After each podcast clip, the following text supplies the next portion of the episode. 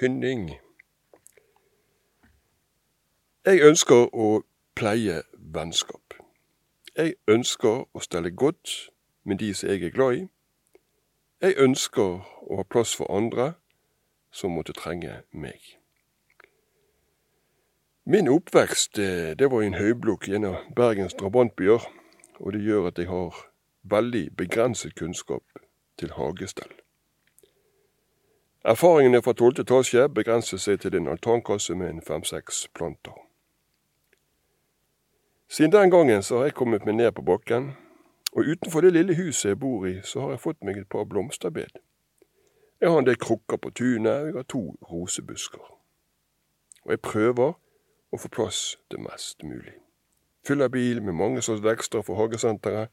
Jeg planter og vanner og luker og steller med uteplassen så godt det lar seg gjøre. Men jeg må etter hvert innse én ting. Det er ikke plass til alt jeg ønsker å ha plass til. Jeg er nødt til å velge. Og det er det som på fagspråket heter tynning. Noe må bort for at noe annet skal få plass. Det er bare ikke nok jord, nok lys, nok næring til at alt kan trives samtidig. Og da må jeg velge. Jeg må tynne. Jeg må prioritere. Og begrepet tynning det får jo sannelig mening langt utover mine beskjedne blomsterbed. For hva er viktig? Hvordan skal jeg stelle med det sånn at det får plass, den plass det fortjener? Finnes det saker som tar unødvendig plass?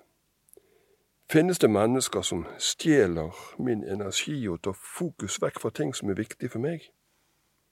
For jeg har lyst til så mye men jeg har begrenset tid. Det blir en uoverkommelig oppgave å finne tid til alt jeg ønsker meg å fylle livet med. Så tynning kan fort bli en veldig nyttig og nødvendig øvelse.